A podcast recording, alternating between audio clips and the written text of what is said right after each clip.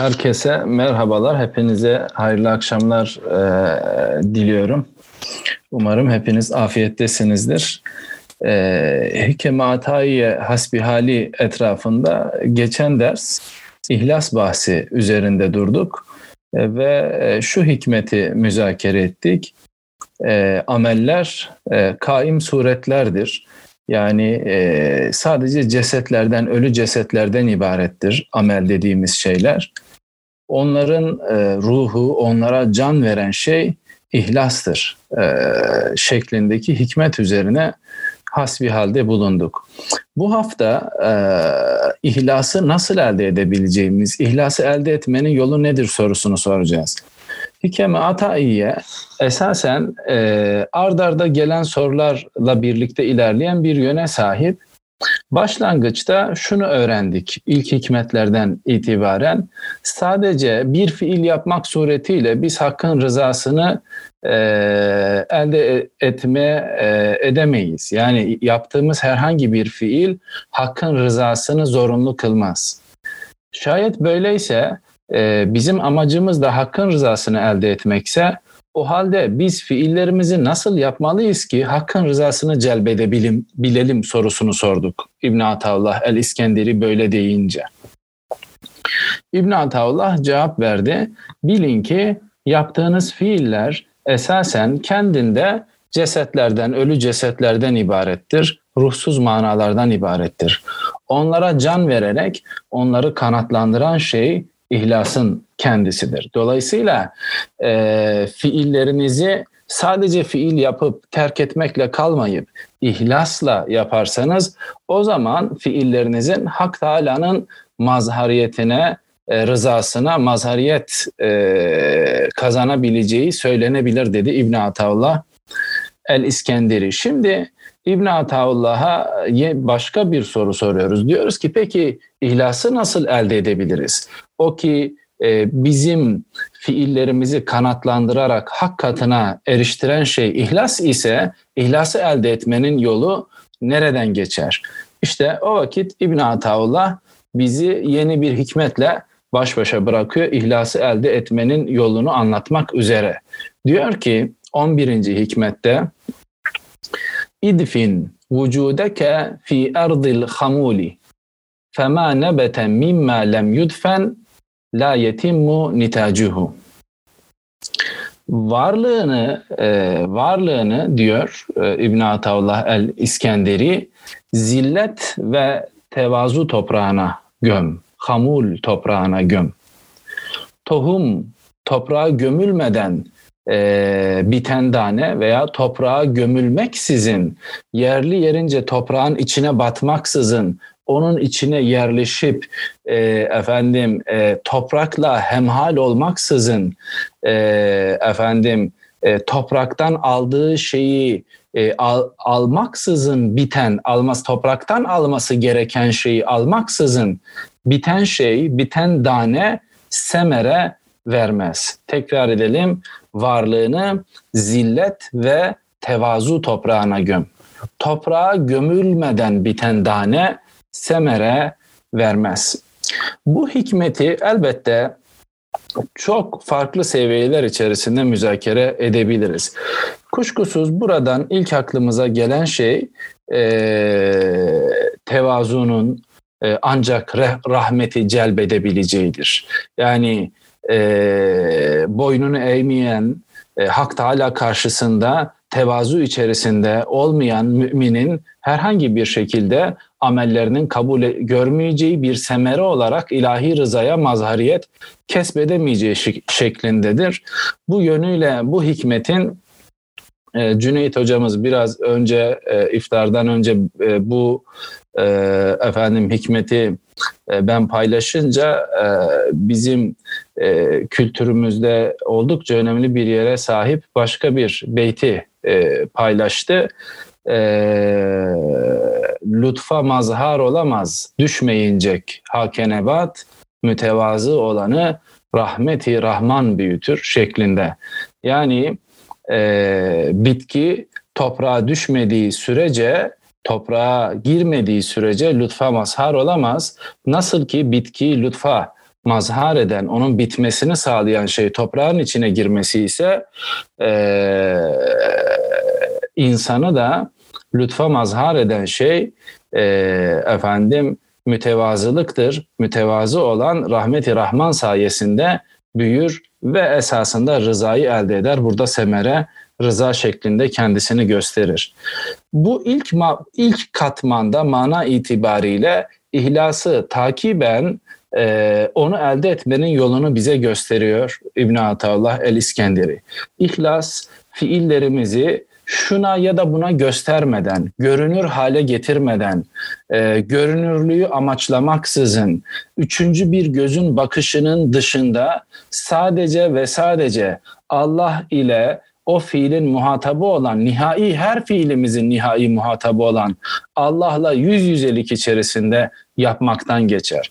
Allah'la yüz yüzelik içerisinde başka herhangi bir gözün o fiili müşahedesine gerek kalmaz. Hiç kimse bizi görmezken, yapayalnızken e, sahip olduğumuz e, samimiyet e, esasında başka gözler üzerimizdeyken de elde edeceğimiz samimiyetin ilkesini e, teşkil e, eder.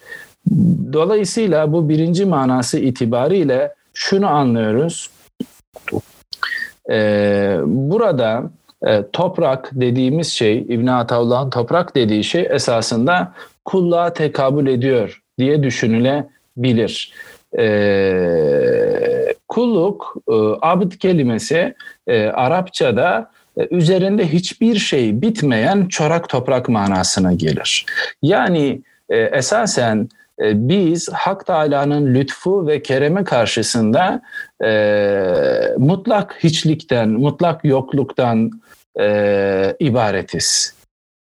Bu mutlak yokluk toprağına, hiçlik toprağına, üzerinde Hak Teala'nın lütfu ve merhameti olmasa hiçbir şeyin bitmeyeceği bu toprağa gömülüp bir başlangıcımızın bulunduğu, her şeyin ve her şeyin Hak Teala'ya e, her şeyimizi e, Hak Teala'ya borçlu olduğumuzu idrak etmediğimiz sürece e, esasında e, lütfa mazhariyet elde edemeyiz. Dolayısıyla e, bizim evvel emirde bu kulluk toprağına e, gömülmemiz gerekir. Üzerinde normal şartlar altında hiçbir şeyin kendinde bitmeyeceği bu çorak toprağa gömülmemiz gerekir.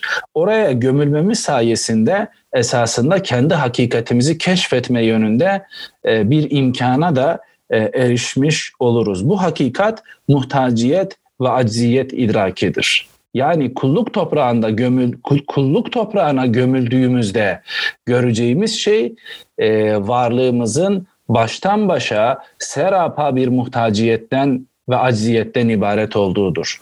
Ancak bu acziyetimizi idrak ve itiraf ettiğimizde e, bizim kul Hak Teala'nın Rab olduğunu idrak edebilir ve bu istikamette onunla e, kulluğu gerçekleştirecek, kulluğu gerçek manasıyla tahkik edecek bir münasebet tesis e, ede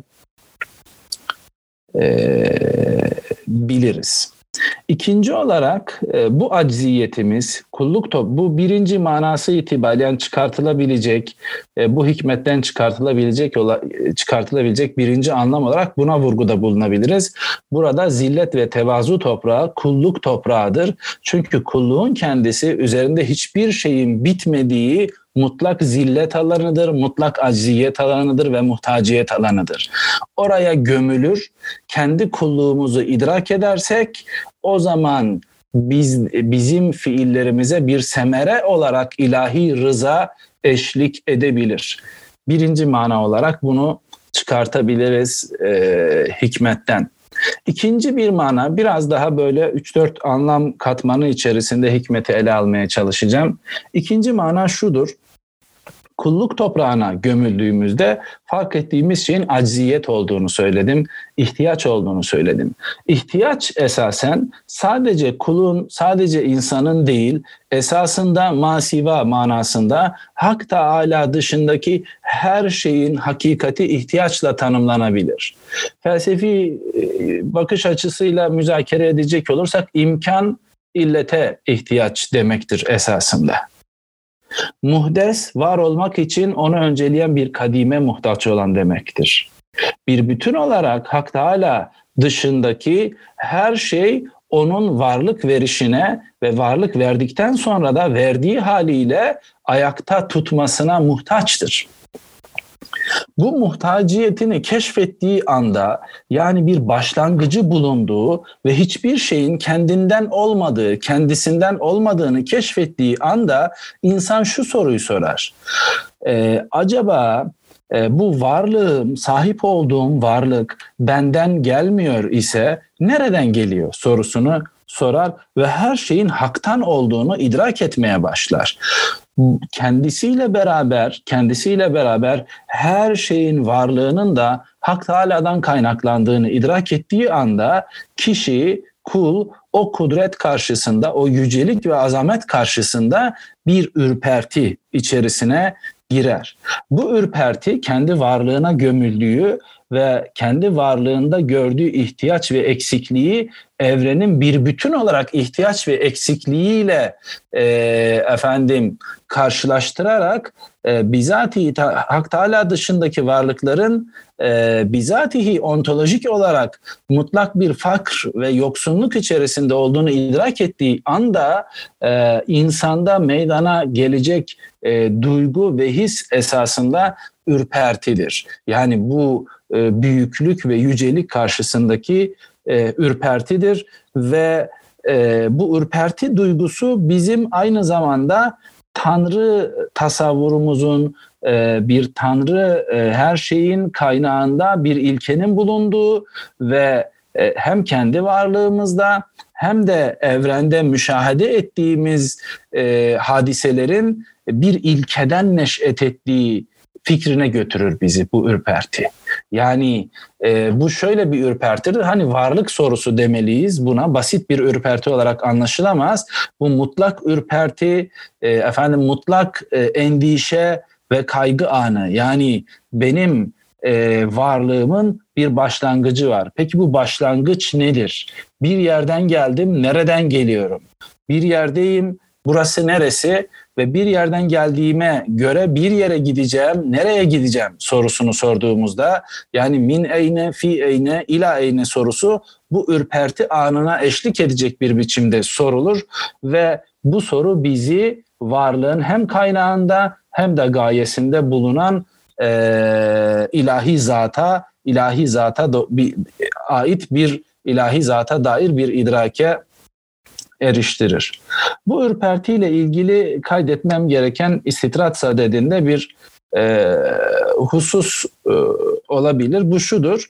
E, esasında bizim ilahi zata ilişkin idrakimizin böyle bir ürpertiden kaynaklanıyor olması çağdaş dönemde dinler tarihi e, efendim e, ile ilgili e, yazımda Tanrı tasavvurunun primitif e, dönemde ortaya tırnak içerisinde primitif dönemde ortaya çıkışı ile ilgili şöyle bir tasavvura neden oldu. İnsanlar esasen e, tabiat karşısında e, kendi acziyetlerini fark ettiklerinde ürperti duydular. Bu ürperti ve tırnak içerisinde korkuyu aşmak için e, e, tabiat ötesi varlıkları kendi zihinlerine icat ederek e, Onlara onlara sunaklar, adaklar sunmak, efendime söyleyeyim yalvarmak, yakarmak vesaire yoluyla bu ürpertinin üzerinden gelebileceğini zannettiler. Dolayısıyla din ve Tanrı fikri e, başlangıçta Tanrı fikri esasen nereden ortaya çıktı? Tabiat karşısındaki çaresizliğimiz ve acziyetimizden ortaya çıktı. Bu cümle, bu önerme tersinden şöyle bir fikri de doğuruyor. Bugün biz tabiat karşısında acziyet içerisinde değilsek, tabiat karşısında muhtaçlık içerisinde değilsek ve geçmişte e, kendisi karşısında ürperdiğimiz hadiseleri bugün izah edebiliyor, bilimsel açıklamalarını verebiliyorsak artık ürperti ve korku ortadan kalktığına göre e, bu korkuya eşlik ettiğini söylediğimiz Tanrı fikrinin de ortadan kalkması gerekir. Şeklindeki bir kıyasla bir akıl yürütmeyle yüz yüze geliyoruz. Hani somut olarak söylersem söz gelimi Durkheim'ın dinlerin ortaya çıkışıyla ilgili e, tezlerini hatırlayalım. Sonraki dönemlerde de sıkça tekrar edilmiştir e, bu tez. İşte gök gürültüsü, e, depremler, şimşekler, seller vesaire insanın başa çıkamadığı hemen her şey karşısında kendisini aciziyet hissi içerisinde hissettiği her şey karşısında bu aciziyeti e, çözmesi için, bu aciziyetin üstesinden gelmesi için icat edilmiş tanrıların bulunduğunu e, ve sebepleri bunların izah edilemeyince e, de bunların tanrıların işleri olarak görüldüğü söylenir. Yani bizim tabiat karşısındaki ürpertimiz tabii hadiseler karşısındaki ürpertimiz Tanrı düşüncesinin kaynağına yerleştirilir ve e, bu ürpertinin izale edildiği, geçerli bilimsel açıklamalar yoluyla izale edildiği bir ortamda artık Tanrı düşüncesine, Tanrı'ya ihtiyacın kalmayacağı, bunu doğrudan doğruya bu açıklamada Tanrı yerine metafizik, mitolojik açıklamalar yerine bunun yerini bilimin alacağı söylenir. Burada e, şunu ifade etmekte fayda var. E, esasen e, dini duygunun, dinsel e, efendime söyleyeyim tecrübenin kaynağında bulunan ürperti tabii hadiseler karşısında, tikel tabii hadiseler karşısında ortaya çıkan bir ürperti değildir. Daha temelde tüm bunları aşacak bir biçimde bizim nereden geldiğimiz, nerede olduğumuz ve nereye gittiğimize ilişkin varoluşsal bir ürpertidir. Yani varlık sorusundan kaynaklanan bir ürpertidir. Şöyle düşünelim. Ee, neden öldüğümüz sorusu buna iki şekilde cevap verilebilir. Birisi e, efendim hasta olduğunda e, doktor onun ölüm sebebi olarak kanseri yazabilir, veremi yazabilir, zatürreyi yazabilir, e, efendime söyleyeyim başka herhangi bir hastalığı kaydedebilir ve der ki şu sebeple bu hasta e, efendim e, hayatını e, kaybetti. Esasında bu bizim hayatımızı nasıl kaybettiğimizle ilgili bir izah getirebilir ve e, nasıl öldüğümüz sorusuna bir cevap verebilir. Fakat neden öldüğümüz sorusu bu açıklama içerisinde bulunmaz. Neden öldü diye sorduğumuzda vereceğimiz cevap esasında doğduğundan öldü şeklinde olacaktır. Yani bir kez e, var olduğumuz için, bir kez hayat elde ettiğimiz için ölüyoruz. Ölümün as, asıl sebebi bizim yaşıyor olmamızdır, var olmamızdır. Dolayısıyla ölüm hakkında konuşmak, bizatihi varlık hakkında konuşmak, varlığın ilkesi hakkında konuşmaktır. Neden oldu sorusu, neden var oldu sorusuyla beraber e, ele alınmak zorundadır. E, ancak o seviyede gerçek manasını bulur. E, bu endişe, varlıkla varoluşla ilgili bu endişe e,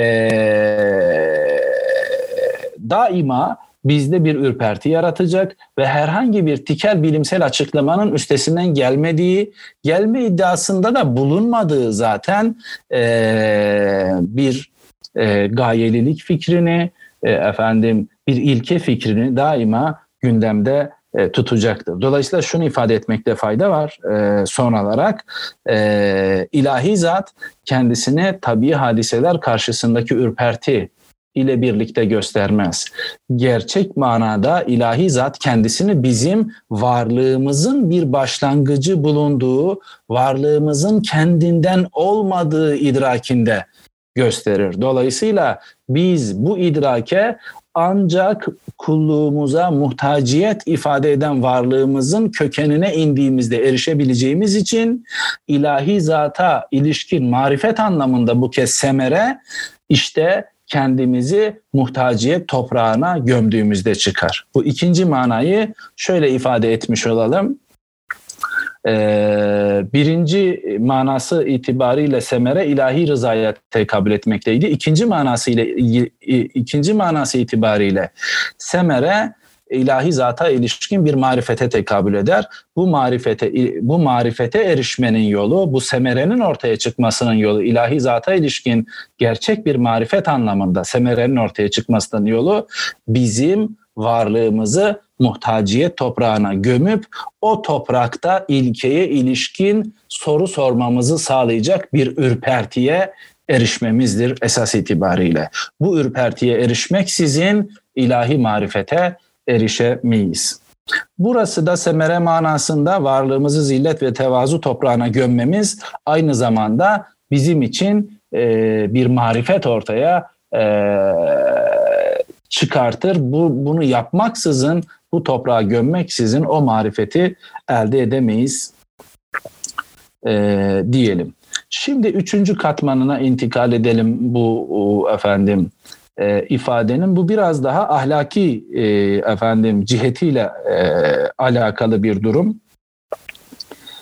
E, varlığımızı e, görünmezlik toprağına gömmek esasen tevazu toprağına gömmek e, doğrudan doğruya Hak Teala ile bizim e, aramızda e, bir yolu doğrudan bir yolu gözetlemek ve o yol içerisinde davranmak demek.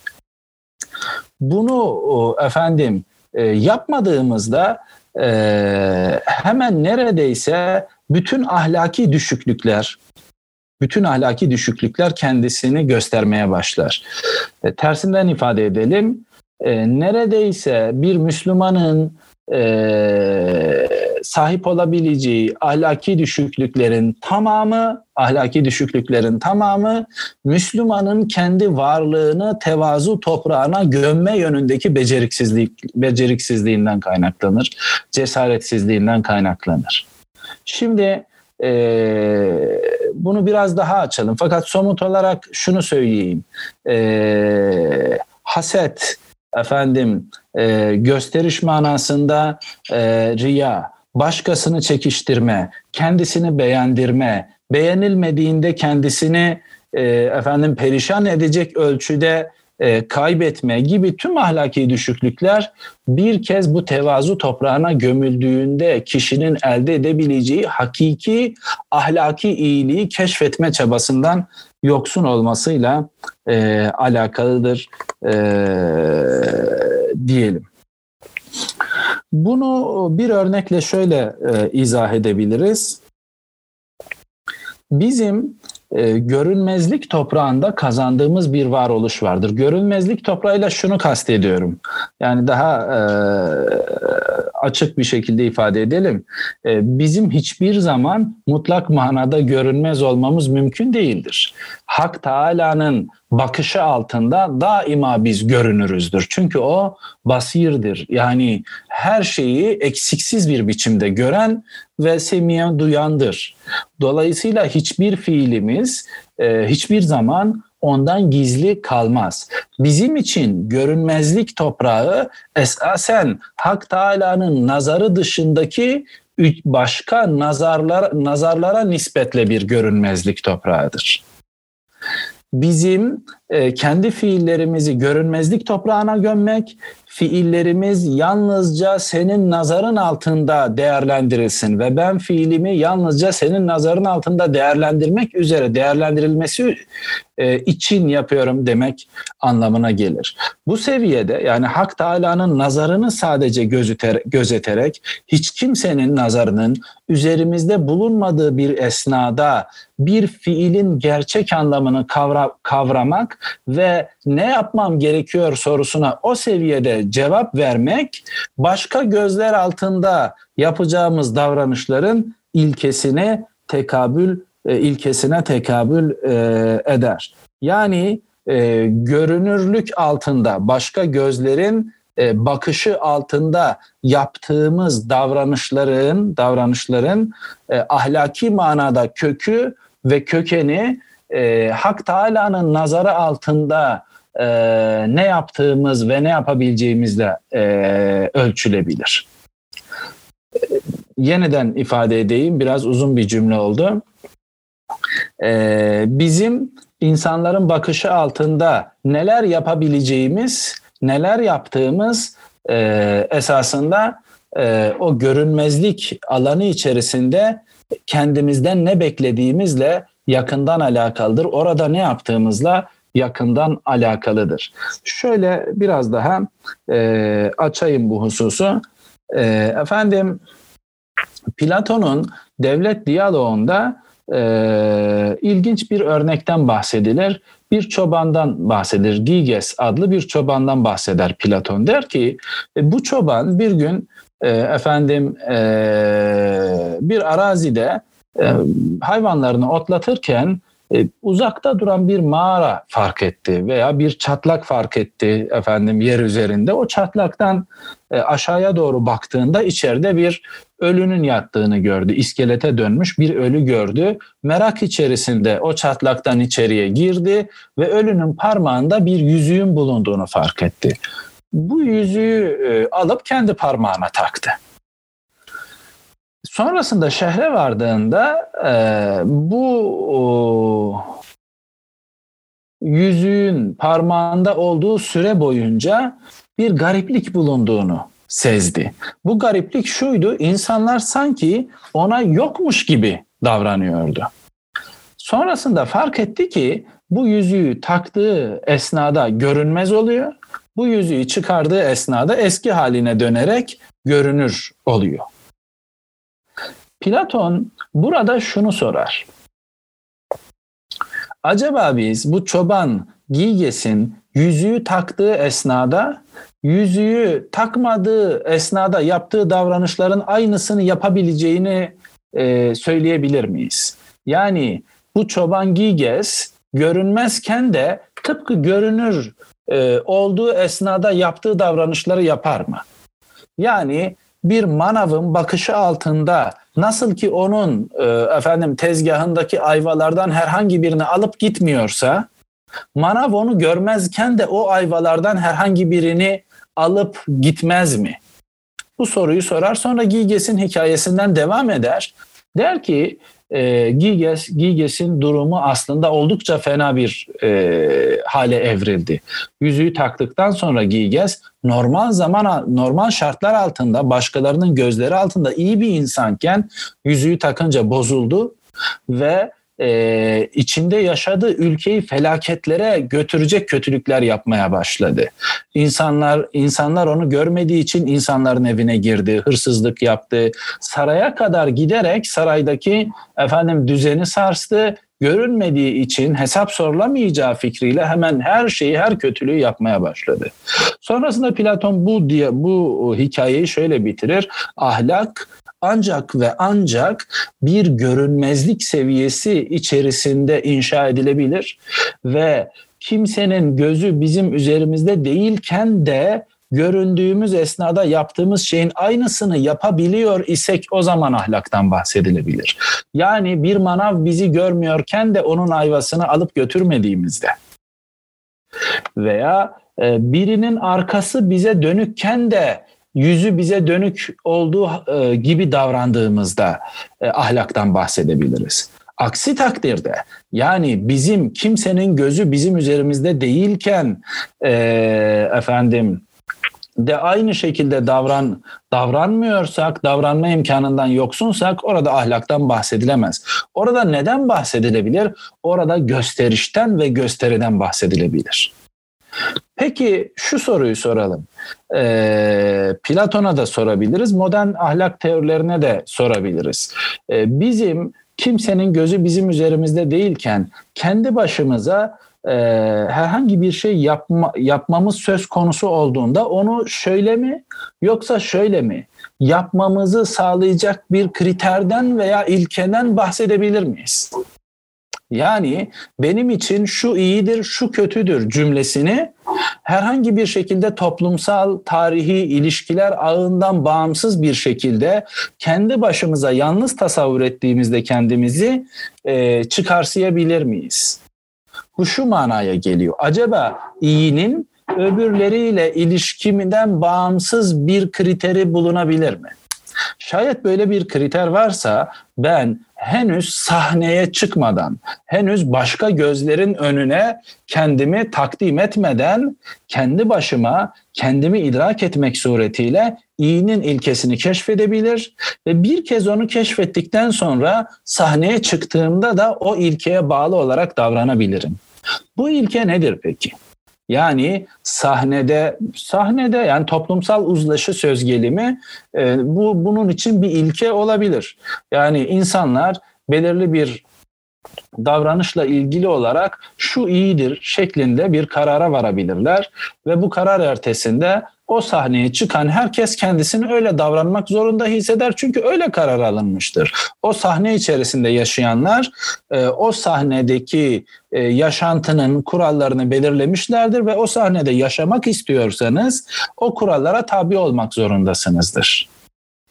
Yani o sahnede göründüğünüz sürece o kurallara tabi olmak zorundasınızdır. Peki sahnede değilken kendi başınıza kaldığınızda neyin iyi olduğuyla ilgili bir cevap elde ede e, bilir misiniz? Başkalarının bakışı üzerinizde değilken Platon'un buna e, ahlak teorisi itibariyle cevabı vardır. Aristoteles'in cevabı vardır. Cevap şudur esas itibariyle iyi iddiası e, efendime söyleyeyim ya da iyinin kendisi Aristoteles açısından da bu kez bakacak olursak bizim tabiatımıza e, meşay ahlak teorisi açısından söylüyorum gömülüdür ve biz kendi tabiatımızı keşfettiğimizde o tabiatın gereklerini de keşfederek iyiyi ortaya çıkartabiliriz. İbn Atavlah İskenderi ya, e, açısından bakılacak olursak e, iyi dediğimiz şey ilahi emrin e, bize salık verdiği ve gösterdiği şeye tekabül eder. İlahi emri kavrayacak bir şekilde onun mutlak hükümranlığını kabul ettiğimiz esnada onun bakışı altında yani sadece Hak Teala'nın nazarı altında iyiyi e, keşfettikten ve iyinin onun nazarı altında ortaya çıkan olduğunu keşfettikten sonra e, biz sahneye çıktığımızda da onun nazarını daima üzerimizde hissettiğimizden dolayı aynı iyiye bağlı bir biçimde davranacağız. Sahnede de onun nazarı bizim üzerimizde, sahnede değilken de bizim üzerimizde ve bizim sahnede nasıl davrandığımızı sahne dışında yalnız başımıza Hak Teala'nın nazarını üzerimizde hissettiğimiz anda nasıl davranacağımız belirliyor, belirleyecek. Yani ahlaki yaşantının kökenini burada tam da varlığımızı başka gözlerin bizi görmediği bir tevazu ve zillet, bir görünmezlik toprağına gömdüğümüzde keşfedeceğiz. Ahlaki yaşantının mümin açısından ahlaki yaşantının kökeni başka gözlerin kendisini görmediği bir görün, görünmezlik toprağında ne yapmam gerekir sorusuyla ilgili verdiği cevap inşa eder. Böyle bir alan içerisinde kendi ahlaki varoluşunu keşfedememiş, kendi ahlaki varoluşunun ilkelerinin farkına varamamış biri esasen e, esasen neyi kaybeder? Otantik varoluşu kaybeder özgün ve sahih varoluşu kaybeder. Artık onun için bir kendindelik dahilinde e, kimsenin gözü üzerinde olmaksızın ne yapacağına ilişkin bir e, efendim inanca sahip olmadığı düzlemde bir kendindelik dahilinde sahneye çıktığı anda onun ne yapacağını daima ve daima başka gözlerin bakışları e, belirler. Yani bizim e, irademizi bizi gö- bizi gören gözlerin takdiri esir alır. Biz fiillerimizi Hak Teala'nın nazarı altında keşfetmediğimiz sürece ve sadece ve sadece onun nazarı altında takdir görmeyi amaçlamadığımız sürece sadece ve sadece onun nazarını e, kendimiz için değerli bulmadığımız sürece sahneye çıktığımızda irademiz başkalarının takdirleri, başkalarının alkışları, başkalarının beğenileri tarafından esir alınacaktır. O seviyede artık herhangi bir özgürlükten bile bahsetmemiz imkan dahiline e, girmez ve özgürlüğümüzü yitire yazarız. Bir yandan toplumsal ilişkilerde e, hemen etrafımızdaki bütün başka iradeler bir ağ gibi kendi irademize musallat olur ve onu yönlendirerek esir alır. Diğer taraftan tabii nesnelerle, arzu nesneleriyle veya kurgusal arzu nesneleriyle, toplumsal arzu nesneleriyle ilişkimiz söz konusu olduğunda bu kez o arzu nesneleri bizim için e, efendim e, bizi esir alan şeylere dönüşmeye başlar. Ee, burada ebter olan yani semere veren şey nedir? Meyve veren şeydir. Burada meyve bu kez bu yeni bu hikmetle ilgili yeni katmanda meyveyle neyi elde ediyoruz? Hakiki özgürlüktür meyve burada. Yani varlığımızı Hak Teala'nın nazarı altında elde edeceğimiz bir diğer gözlere kapalı bir nisbi görünmezlik. Yani çünkü Hak Teala bizi görüyor. Nisbi görünmezlik katmanında ahlaki yaşantıyı keşfettiğimizde elde edeceğimiz semere başka bütün gözlerden özgürlüktür. Hürriyet hakiki manada da esas itibariyle budur.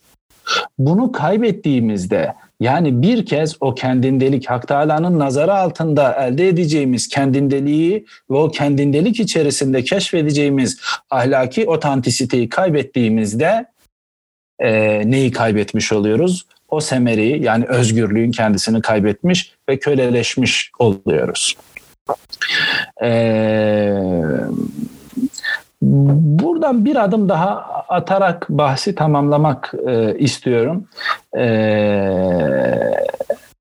bu kendindelikten yoksun olduğumuz durumda şöyle bir kriz de ortaya çıkıyor esasen. Yani hikmeti biraz daha norm vazedici bir şekilde ele aldığımızda şöyle bir netice çıkartabiliriz.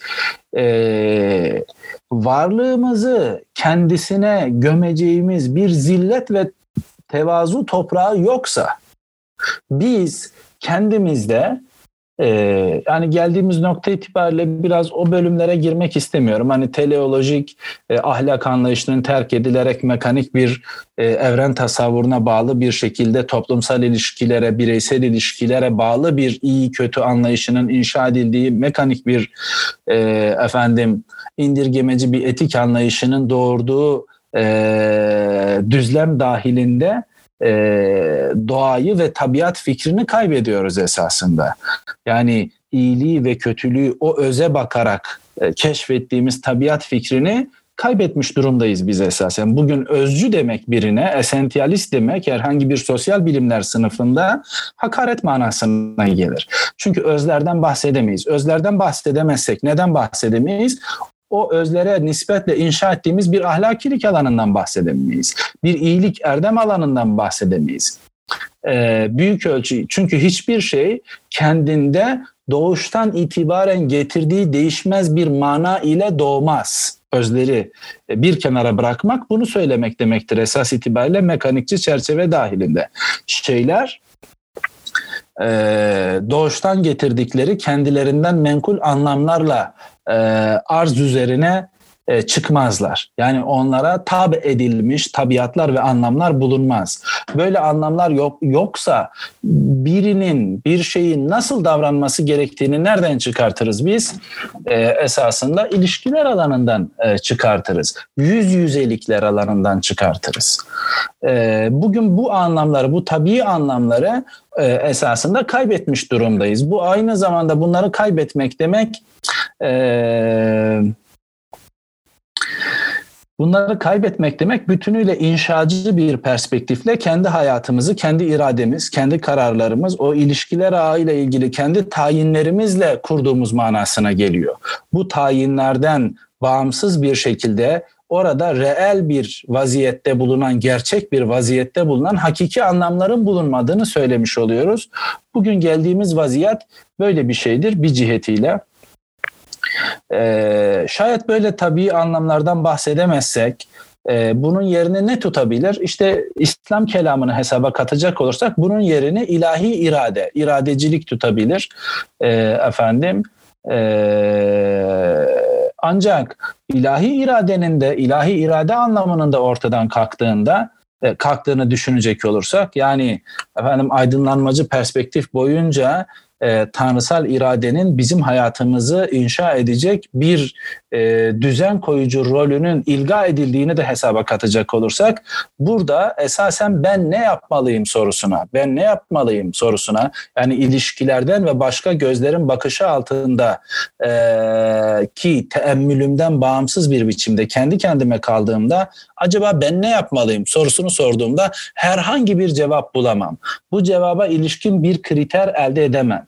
Böyle bir seviyede yani e, tabiatların ve ilahi iradenin nefyedildiği bir seviye içerisinde ahlaki tartışmalar alanı bizim için tamamen hangi futbol takımının orta saha oyuncusunun daha iyi oynadığıyla ilgili bitmeyen ucu açık bir tartışmaya dönüşür. Bu tartışmayı sonlandırmanın teorik olarak bir yolu yoktur. Yani kendi başınıza herhangi bir argüman yoluyla bunu sonlandıramazsınız. Çünkü bu tartışmayı sonlandıracak bir foundation yani bir temel e, efendim e, bulunmaz. Ne tabiat temeli ne de ilahi irade temeli bulunmaz. Böyle bir durumda peki sokakta ben nasıl davranacağım sorusunu sorarız. Sokakta şu ya da bu şekilde davranmamı sağlayan tek şey vardır. Manavın üzerimdeki bakışı ve benimle onun arasındaki gizli bir mukavele esasında. Yani benim onun haklarını ilga ettiğimde onun da belki benim haklarımı ilga etme e, hakkının doğacağı şeklindeki karşılıklı bir anlaşmadan dolayı ben toplumsal yaşantı içerisinde başkalarıyla yüz yüze ve göz gözeyken o kurallara tabi olurum. Fakat soru şudur. Başkaları sırtını bana çevirdiğinde, onlarla artık yüz yüze ve göz göze değilken, kendi başıma kaldığımda ne yapmam gerektiğine ilişkin bir ilkeler alanına müracaatım imkansızlaştığı için benden ne bekleneceğini kim tayin edebilir? Yüzüme baktığında muhatabım ben ona gülebilirim, gülümseyebilirim. Ee, bu o, ilişkiler ağı bu bağlamın gerektirdikleri dolayısıyla. Fakat sırtını döndüğünde onu hançerlemeyeceğimin benim e, efendim e, kendi ahlaki teemmülüm açısından bir garantisi yoktur esasında. Buradan kalkarak, buradan kalkarak neden e, efendim e, neden bütün şehirlerimizin bir mobese e, efendim e, cehennemine döndüğünü e, düşünebiliriz. Çünkü ancak ve ancak kimse bizi görmediği esnada Tanrı'nın bakışının da üzerimizde olmadığı bir esnada bir mobese kamerası bizim davranışımızı kontrol ede- edebilir. Bir sahnede hissetmediğimiz sürece bizim ne yapacağımızı kimse tahayyül edemez. Bizden bir canavar da çıkabilir, biz bir sahnede değilken kendi başımıza kaldığımızda başka bir şey de çıkabilir. O yüzden daima bir gözün kontrolü altında olmak durumundayız. Bu, bu buradan efendim e, bu kontrolün e, giderek bu kontrolün giderek mobeselerden efendim biyopolitikaya e, efendim yani şöyle diyeyim yani bu kontrolün bizim bedenlerimizin kontrolüne bedenlerimizi takiben görünürlüğümüzün kontrolüne, görünürlüğümüzü kontrol, görünürlüğümüzü takiben psükemizin yani ruhumuzun ve arzularımızın kontrolüne kadar gidecek bir yolu açtığını da ifade etmekte fayda var. Burası uzun bir bahis. Lakin bunu şöyle toparlamamız gerekir. Döndüğümüzde bu mobese biyopolitika, psikopolitika bahsini yani bedenlerimizin, ruhlarımızın ve görünürlüğümüzün e, kontrol altına alınarak bizim toptan esir ve köle haline gelmemiz çünkü güve, büyük bir güvensizlik dolayısıyla e, halini e, esir haline gelmemizin e, asıl sebebi e, burada bu hikmet etrafında şudur diyebiliriz. Döndüğümüzde kendisini gömeceğimiz bir zillet ve tevazu toprağından yoksunuz artık. Bir kez kendi bir kez özümüz acziyetten ve ihtiyaçtan ibaret olduğu halde özümüz acziyetten ve ihtiyaçtan ibaret olduğu halde bu özü inkar ederek bu özü inkar ederek o topraktan çıktıktan sonra mutlak görünürlük sahasında esasında yitirdiğimiz şey kendi özgürlüğümüz oldu. Dolayısıyla özgürlüğümüzü yeniden kazanmak için her türden ikincil, üçüncül bakışların ardın, ikincil, üçüncül bakışları ardımıza bırak, ardımızda bırakarak o görünmezlik toprağına yeniden gömülmeli ve kendi hakikatimizi keşif yolunda bir yolculuğa çıkmalıyız. Dediğim gibi Hikem Ataye üzerinden ben bir has bir hale girişiyorum. Yani kuşkusuz şunu hatırda e, tutmakta e, fayda var. Hikem Atayiye İbn Atalah İskender'in bir seyr sülük neticesinde e, yazdığı e, bir metin ve her e, hikmet buradaki kulun Hak Teala'ya doğru yolculuğundaki adımlardan birini ifade ediyor. Bunu söylemiştim başta. Daima ilk anlam olarak buna işaret ediyorum. İlave anlamlar olarak da diğer anlamları e, zikrediyorum. Bu hikmetle ilgili söyleyeceklerimizi burada e, kifayeti müzakere diyerek tamamlamış olalım. Yarın bu hikmeti takiben, bu hikmeti e, efendime söyleyeyim tamamlayacak, açımlayacak başka bir hikmetten bahsedeceğim. O hikmeti okuyup ben kapatayım sözümü. E, oradan devam edeceğiz sadedinde. E, evet sorular da bir yandan gelmeye başlıyor. E, bu kez bunu söyledi ya bize İbn Ataullah. Yani biz dedik ki amellerimiz Hak Teala'ya nasıl varır? İhlasla varır dedik. İhlası nasıl elde ederiz? İhlası varlığınızı zillet ve samimiyet ve tevazu toprağına gömerek elde edersiniz dedi. Şimdi soruyoruz İbn Ataullah'a.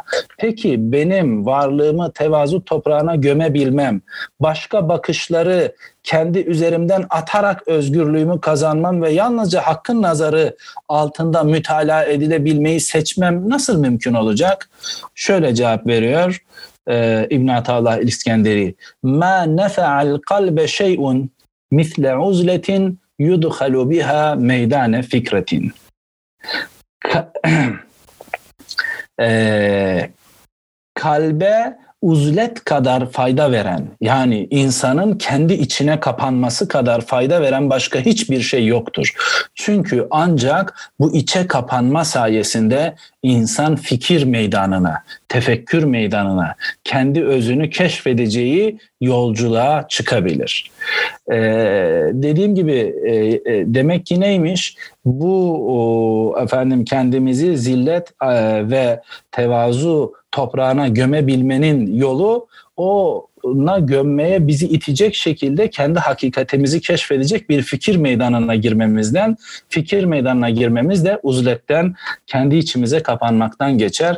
Haftaya da uzlet ve tefekkür bahsi üzerine haftaya diyorum çünkü e, her ders böyle oluyor. Günlük derslere ardarda gelen alışık değiliz. Korona günlerinin hediyesi oldu bu. Derslerimiz haftalık normalde. E, yarın da bu fikir ve uzlet bahsini e, müzakere e, edeceğiz inşallah. E, bunu tamamlayan bu hikmete benzer bugün Cüneyt Hoca'nın e, bir tür nazire paylaştığı gibi Niyazi Mısri'nin bir beyti var. E, kaygıların hasıyım ad oldu insan bana diye nasıl nazire oluyor bu hikmete haftaya bunun üzerinde duracağım. Hikem Atayiye kitabının hangi baskısını almamızı tavsiye edersiniz? Benim Türkçe'de en beğendiğim baskısı e, Balıklızade Ahmet Mahir Efendi'nin, Kastamonulu Balıklızade Ahmet Mahir Efendi'nin şerhiyle birlikte basılan bir Hikem Atayiye var. Bunu ben e, herkese tavsiye ederim. E, ben de bu nüsha elimde, o nüshadan hareketle efendim e, hikmetleri okuyorum. Bunun dışında Hikem Atayiye'nin e, birçok şerhi var Arapçada, Türkçe'de. E, arzu ederseniz o şerhlere de e, bakabilirsiniz. Evet. Bir iki soruya daha bakalım. Ehli sünnetin özellikle eşarilerin iyi ve kötü anlayışı çerçevesinde bir tabiattan ve özcü ahlaktan bahsede e, bilir miyiz? İyi ve kötü, Tanrı'nın iyi ve kötü diye vazettiği şeylerse eğer burada nüanslar var. Özcülükle biz şunu kastediyoruz esasında. Önce şunu söyleyelim. E, tanrısal iradenin e, efendim e, tanrısal iradenin doğrudan doğruya e, dahil olmadığı bir seviyede insanın kendi özüne, kendi tabiatına baktığı esnada çıkartabileceği zorunlu gerekler özcülüğü ifade ediyor. Biz bu zorunlu gerekler arasında hiyerarşik bir ilişki inşa ediyoruz. Bu hiyerarşik ilişkiye bağlı olarak e, efendim bazıları birincil, bazıları ikinci seviyeye düşüyor. Birincil olana zati özellikler diyoruz, özsel nitelikler veya özellikler ve bu özsel ben ne yapmalıyım sorusunu e, benim özüm bu olduğuna göre bu özü ger- gerçekleştirmeliyim e, cevabıyla ortaya çıkartıyoruz. E, buna mukabil eşari gelenekte özellikle bizim ilk dersimizde anlattığımız üzere böyle bir özcülükten bahsetmek mümkün değil. Çünkü bu özcülük aynı zamanda fiillerimizin e, sonuçlarını zorunlu kılacağı e, ve bizim için iyi olanın ne olduğunu doğrudan doğruya özümüze bakmak suretiyle keşfedebileceğimiz ve buradan kalkarak e, efendim o fiilleri gerçekleştirdiğimizde mutluluğu elde edebileceğimiz şeklinde bir mutlulukçu ahlak teorisi ortaya çıkıyor. Fakat e, eşari gelenek böyle bir özcü fikriyat üzerinden ilerlemiyor. Eşari gelenekte bizim fiillerimizin iyiliği esasında Hak Teala'nın iradesiyle ilişkili bir biçimde ortaya çıkıyor. Onun buyruğu ile ilişkili bir biçimde ortaya çıkıyor. Dolayısıyla bu eşari gelenekteki ahlak teorisi bugün ilahi buyruk teorisi diye adlandırılıyor. Yani iyi özden kalkarak, tabiattan kalkarak inşa edilmiyor ve inşa keşfedilmiyor diyelim. Bunun yerine ilahi buyrukla e, efendim e, keşfediliyor ve ilahi buyruğun sahibi olan zaten nispetle bizim fiillerimiz sürekli değerlendirilmeye başlanıyor. Özcülükten böyle bir açık farkı var. Diğer taraftan e, soruda anladığım şu yani Tanrı da nihai kertede onun emri neyin iyi olduğu ile ilgili belirli değişmez bir kaideyi ifade ediyor. Bu sabiteye yani özleri sabiteler manasında alırsan e, bu sabite fikrinin kuşkusuz eşarilikte de bulunduğunu söyleyebiliriz. Aksi takdirde e, bir genel ahlaktan bahsetmek mümkün olmayabilir. Yalnız bu sabite fikrini bu genel ahlakın e, ilahi buyruk etrafında şekillenen e, tırnak içerisinde ve bazen donuklaşabilen yönünü bu kez tasavvuf aş, aşmak istiyor. Orada makamlar ve haller fikriyle beraber mesela şöyle cümleler kuruyoruz. E, hasenatul ebrar seyyiatul mukarrebin. Yani iyilerin yaptığı güzel işler daha yakın olan Allah'a kullar için kötü şeyler olarak görülebilir. Burada makamlar ve dereceler ortaya çıkarak buna bir dinamizm kazandırıyor bu sabite fikrini aynı zamanda. Soru hocam ifade ettiğiniz ürperti durumu bağlamında mıknatıs neden çeker sorusunu sormak ve rasyonel idrakine ulaşmak mümkün müdür? Sufiler ve filozoflar açısından bu soruya nasıl cevap verilebilir? Soruyu kim sordu tabii göremiyorum ama şimdi ben mıknatıs neden çeker makalesini yazarken İbrahim Hoca her söylediğini muhakkak mıknatısa bağlayacak bir yerde diye arkadaşlar aramızda böyle e, latife ederdik. E, bizim herhalde talebelerimizden biri bu e, soruyu e, soran arkadaş. E, mıknatısa bağlamış oldu mevzuyu. Önemli bir soru aslında yani o ilk bak, bakışta duyanlara garip gelecektir bu soru ama eee mana yani önemli bir soru, manidar, e, anlamlı bir soru. E, fakat bu soruya cevap vermek biraz konu dışına e, bizi çıkartabilir. Kamil kardeşim, e, bunu epistemoloji ile ilgili bir bahiste, bilim felsefesi ile ilgili bir bahiste müzakere etmeliyiz. Hocam kişi bunu son soru olarak alıyorum. Tanrı'nın gözetiminin bilincindeyken de yine sahne psikolojisi devreye giriyor. Değil mi? Ee, burada esasında biz sahneyi Kur'an'la yüz yüzeyiz. Herhangi bir şekilde o bakışın e, dışında kendimizi e, görmek, görebilmek bizim açımızdan mümkün değil esasında. Biz kendimize o bakış aracılığı ile bakarak kendimizde yine o bakışın sahibini keşfediyoruz. Bu sayede ahlakilik dediğimiz şey e, o nihai nazardan neşet ediyor esasında demiş olayım. Yani e, böyle cevap vermiş olabilirim. Uzlet bahsi sorulmuş. Uzlet bahsine haftaya intikal etmiş olacağız. Beni sabırla dinlediğiniz için hepinize çok teşekkür ediyorum. Ee, eskiler derler ki hani bahsi tamamlanmayınca tüketti sanma hezaran hikayete aşkı o sevdadan dahi söylenmedik neler kaldı.